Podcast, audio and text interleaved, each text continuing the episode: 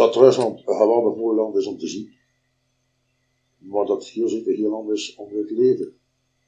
Uh, we hebben er alles gezien, laten we zeggen wat dat we maar hier zes konden zien op het gebied van techniek, uh, moderne technieken. En ik kan u verzekeren, ze zijn heel ver in Rusland. Maar aan de andere kant hebben we dan ook gezien dat er mensen stonden uh, rijken te schuiven vanaf 6 uur s morgens, omdat ze misschien een biefstuk wilden bij de slachters. En. U spreekt over welk jaar, Prosper, ja? Welk jaar was u in Moskou?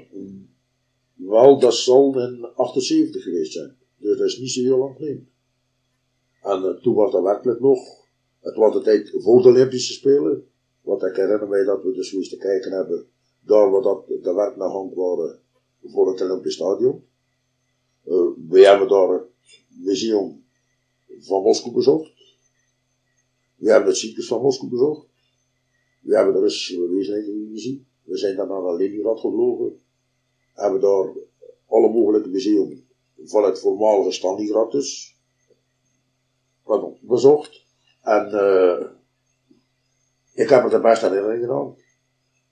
Wat dat ik wel niet weet, en dat verwonderde me enigszins, ik had altijd gedacht dat de fabel was dat Russische officieren, dat die werkelijk tuk zijn op decoraties, maar dat heb ik daar ondervonden.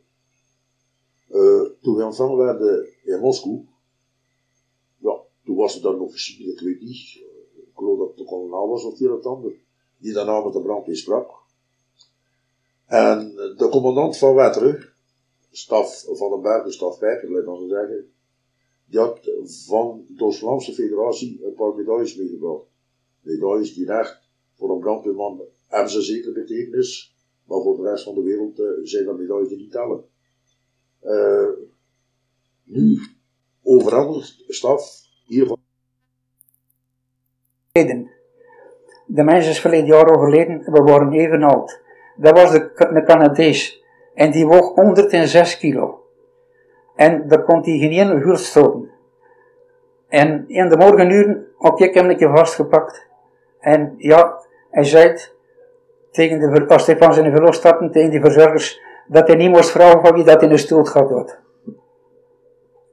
natuurlijk, het was van meer de Brugger. De man met de reis namelijk over zijn Amerika schreven. Hè.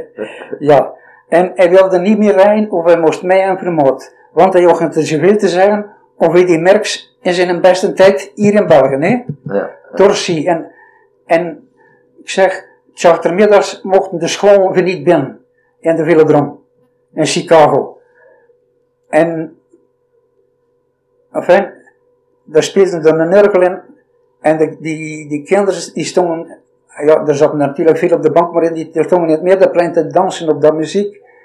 En die stonden allemaal roodje te schuiven met een programma, want die programma's, onze foto stond erin en er wordt er plaats onder voor een handteken te zetten. Ik zeg, ze stonden allemaal aan te schuiven voor, uh, voor mijn handteken in Chicago. Hè. Ik zeg, Torsi Peten, ik heb erachter nog de zes dagen gedaan met, met, uh, met naar in Buffalo. Hè. En dat was Torsi Peten, de tweede op de herronde. En ah ja, ik was vrij en zijn weggekomen door. Hè. En hij wilde niet meer rijden of hij moest mij aan vermoord. En ik had 250 dollars per dag voor te rijden, voor de oorlog. 250 dollar 250 per dag? dollar per dag, wat ze betaalden per dag. Ja, als je twee dagen reed, betalen ze twee dagen. Ik ga er op de derde dag, ja, ze betalen nog maar twee dagen. Hè. Maar Peter nog 700 dollars per dag. En hij reed van tijd drie, zes dagen in de maand in Amerika, in al die grote steden. En hij wilde niet meer rijden of een smij en vermoord. En dan ging ik ook 700 dollar krijgen. Maar ik van die 250 dollar, ik had de zes dagen van New York, van, van New York en van Chicago gedaan. En ik wisselde mijn dollars uit en ik heb er mijn huis mee gekocht. Van twee, zes dagen kosten. Dus je ook moeten met Peter rijden. En wel, ik prijs dat ik op, op vijf jaar tijd in hele straten eigen huizen kost kopen. Om Meneer de Bruiker, om uh, het gesprek te besluiten, het zal bij die eerste keer niet blijven dat de Zelzaatse Radio Omroep Mietjestroel bij u terechtkomt. Het is zondagmorgen nu. Deze namiddag vindt Luik Bastenaken Luik plaats. Ja. Wat is uw pronostiek? Eh, wie ziet u als winnaar over de streep komen? En wel, in, de, nou, in deze koers, uh, in de laatste koers Gent-Wevelgem, is Bernardino, is mij toch wat tegengevallen. Maar als je dat tegenkomt, hetgeen dat hij tegenkomt, ligt aan de grens. Hij mocht niet terug met zijn materieel, omdat hij zoveel materieel bij had. Ze schikken dat hij uh, Frans materieel naar België smokkelde. Hè. En uh, hij is bekend te laat aan de start gekomen in Gent-Wevelgem. En dat heeft hem wel een beetje een, een, een, een gegeven. Enfin, hij is dan erachter uh, platgevallen, maar tegen zondag is terug mijn favoriet. Want hetgeen dat hij gedaan heeft, over, uh, ja, in 78 dat geweest, dat hij Luc Bastenaken gewonnen heeft. En dan is hij weggelopen. En als hij drie minuten vuur was, dan zijn ze met vier achtergegaan. Marcel uh, van den Houten, uh, Luc van den Broeke, ja, wie was er nou die twee andere? Ze waren met vier goede coureurs achter hem.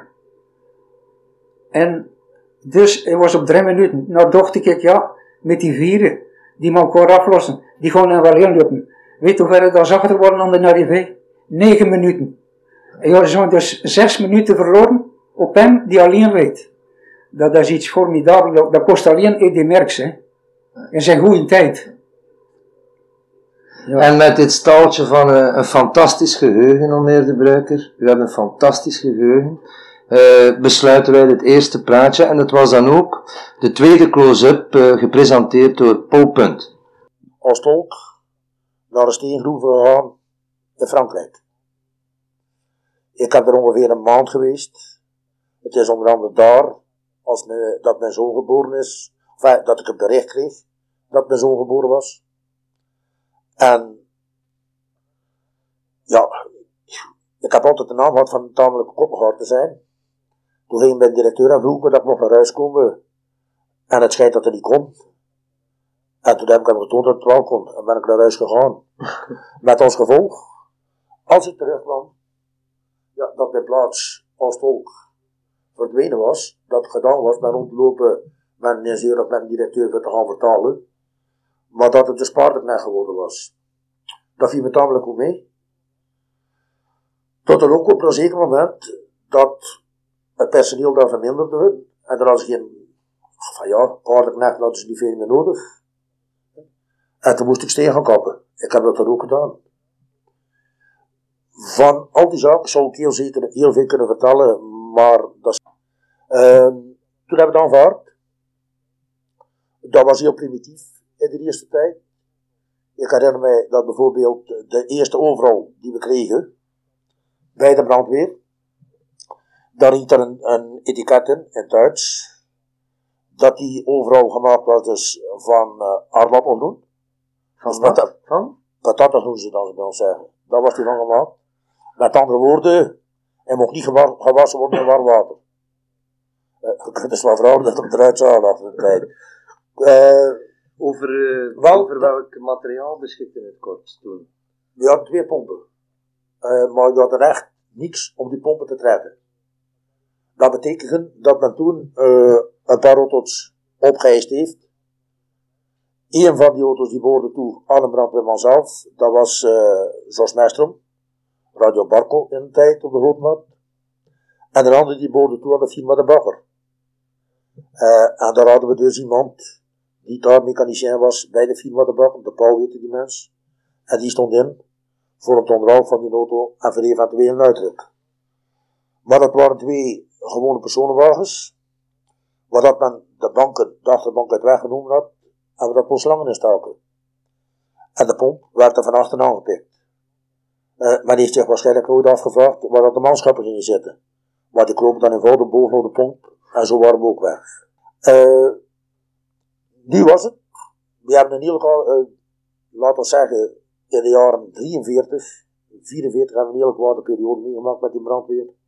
Omdat toen de bombardementen van Riemen en zo die kwamen. Oh ja, ja. En dat zijn wel de tragische. Ik herinner me altijd dat op dat jarenverslag dat het erop staat dat we wegens oorlogsomstandigheden 18 keer moeten uitdrukken zijn.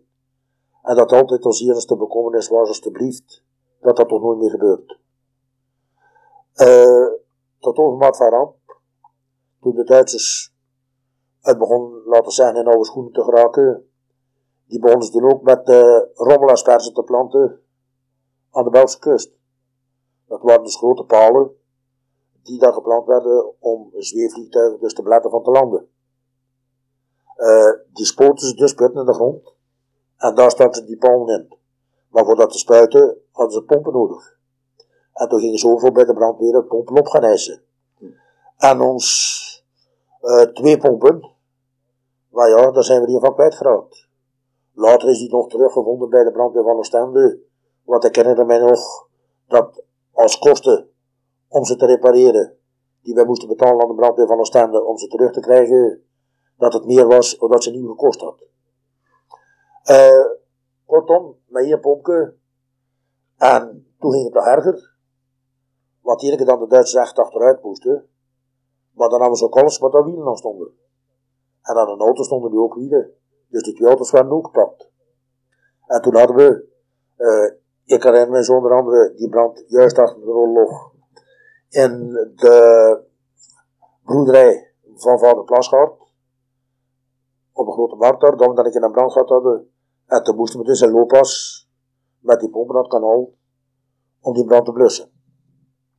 Uh, daar konden we dan nog. Wij moesten niet veel ver lopen. Maar als dat natuurlijk grote verplaatsingen waren, dan moesten we toch een voertuig hebben. En toen hadden ze niets beter opgevonden om daarvoor de vuilniswagen te nemen. Een vuilniswagen, die geen wagen was geleid dat je nu hebt dus, maar een gewoon op. Uh, dat betekent, als die mensen met zijn camion, en dat was in die tijd uh, Amerlink, de vijand dat ze zijn, die daarmee reed. Als die mensen met zijn vuilniswagen op, de, op weg was, en die hoorde de sirene, dan moest hij Cito Presto direct die de vrachtwagen gaan lossen. En toen kwam hij daarmee naar slachthuis, om dat materiaal te halen. Maar die was natuurlijk niet afgekuist, of niets. Toen smeten we er alle half op, hetgeen dat we nodig hadden. En toen waren we vertrokken naar de brand. Het toen zeker geen verhaal dat we nooit op tijd toegekomen zijn.